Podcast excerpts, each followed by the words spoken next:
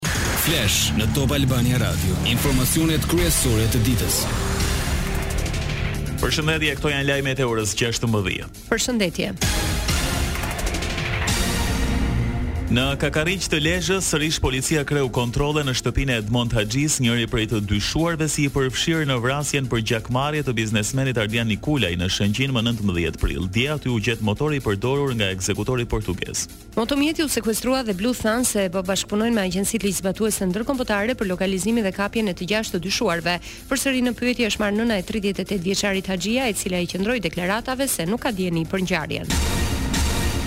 Një njëzet e tetë vjeçar u arrestua nga policia e Sarandës pasi dyshohet se ka dijeni për emrat që fshihen pas zhdukjes së Leonard Theodhorit e Fatmir Sulovarit, me të cilët familjarët kanë humbur kontaktet prej prillit, Gjykata e Sarandës i caktoi masën arrest me burg për veprime që pengojnë zbulimin e së vërtetës. Policia po tregohet shumë e rezervuar në dhënien e informacionit, por burime konfidenciale bëjnë të ditur se njëzet e tetë vjeçari dyshohet t'u ketë dhënë shtëpinë me qera autorëve të zhdukjes.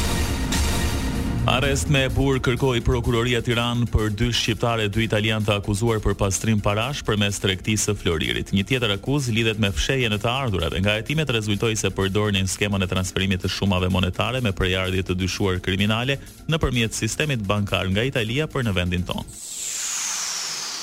Lajmet në internet në adresën www pikë Top Albania Radio pikë kom.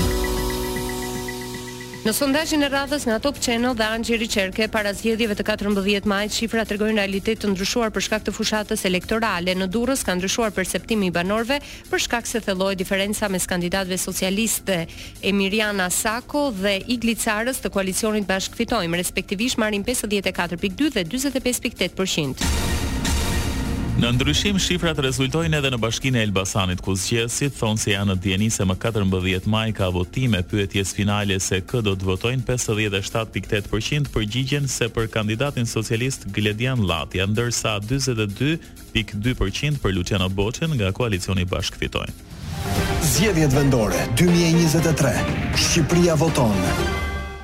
Në periferi të Tiranës e ka përqendruar Partia Demokratike fushatën për zgjedhjet vendore të katërmbëdhjetë majit. Kandidati për kreun e bashkisë Roland Bejko ishte në zonën e Saukut ku dëgjoi ankesat e banorëve. Çdo para zgjedhje kur vijnë na premtojnë edhe askush të bëjë.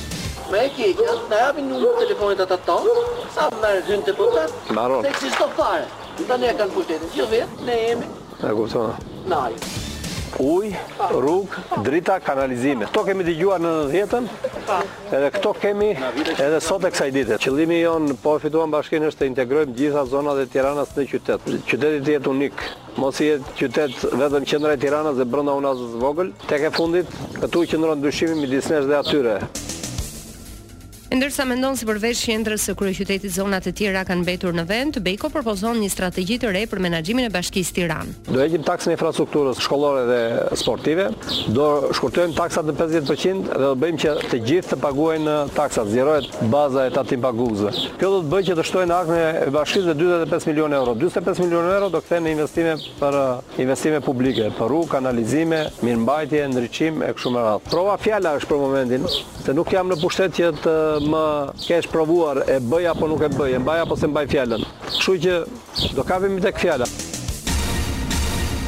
Fushata elektorale do të shoqërohet edhe me padi penale në SPAK, dy të tilla paralajmëroi Sali Berisha për kandidatët socialistë në Tiranë e Durrës. Zonja Sako është një korruptokrate Hidrovori i Durrësit është simbol i zi i vjedhjeve të saj. Pavarësisht se Rama e paralizon SKAP-in, ajo do shkojë për ndjekje penale. Sikundër do shkojë Erion Veliaj Si njeri që për interesa të xhepave të tij ka lejuar drejtorët, familjarët e drejtorëve të pasurohen me paratë e takspaguesve të Bashkisë Tiranës dhe të qytetarëve shqiptarë.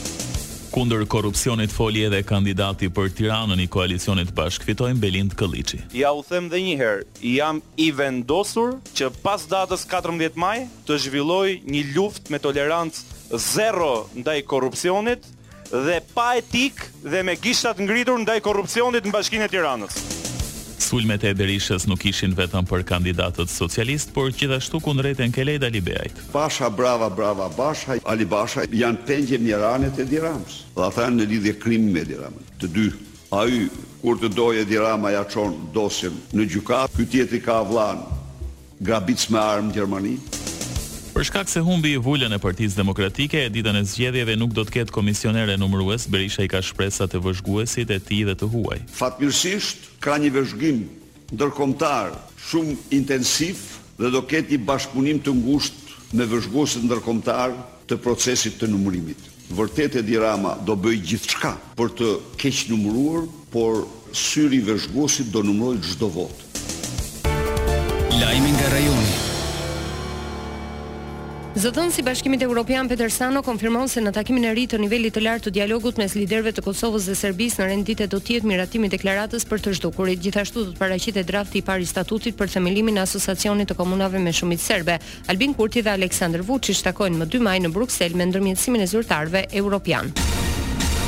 Kryetari i Kuvendit, Glauk Konjufca tha se nuk është në interesin e Kosovës të jetë funksional ekipi menaxhues për hartimin e draft statutit të Asociacionit të Komunave me Shumicë Serbe. Sipas tij, te ky ekip nuk është problem vetëm sjellja dhe papërgjegjshmëria e tyre kundrejt institucioneve të Kosovës, por edhe kryesimi nga një deputete e parlamentit të Serbisë. Lajme nga bota. Rusia nuk ndalet dhe është në ditën e katërqind e njëzet e nëntë të luftës në Ukrainë mes natës së njëzet e shtatë prillit dhe mëngjesit të sotëm raketat ruse ranë si shi në disa qytete të vendit, të paktën pesë persona humbën jetën, ndërsa sistemi antiajror ukrainas rrëzoi njëmbëdhjetë prej tyre në hapësirën ajrore të Kievit. Hera e parë në pesëdhjetë e një ditë që Rusia sulmoi kryeqytetin ukrainas. Sulmet vijnë në kohën kur besohet se forcat ukrainase po përgatisin një kundërofensivë ushtarake me pajisje të reja, përfshirë tanket që u kanë dhënë aleatët perëndimorë. Në Bakhmut, qytetin ku janë përqendruar luftimet, kudo është mbjellë vetëm shkatërrim.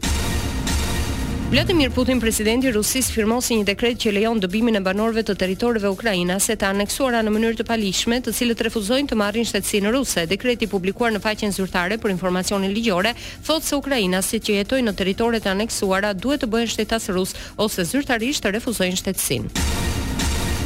Fondi Monetar Ndërkombëtar i bën thirrje Bankës Qendrore Europiane të vazhdojë të rrisë normat e interesit deri në mesin e vitit të ardhshëm. ardhshëm. Nga ministrat e Financave të Bashkimit Europian, FMN kërkon të ashpërsojnë politikat fiskale përmes veprimeve të bashkërenduara për të ulur nivelin e inflacionit.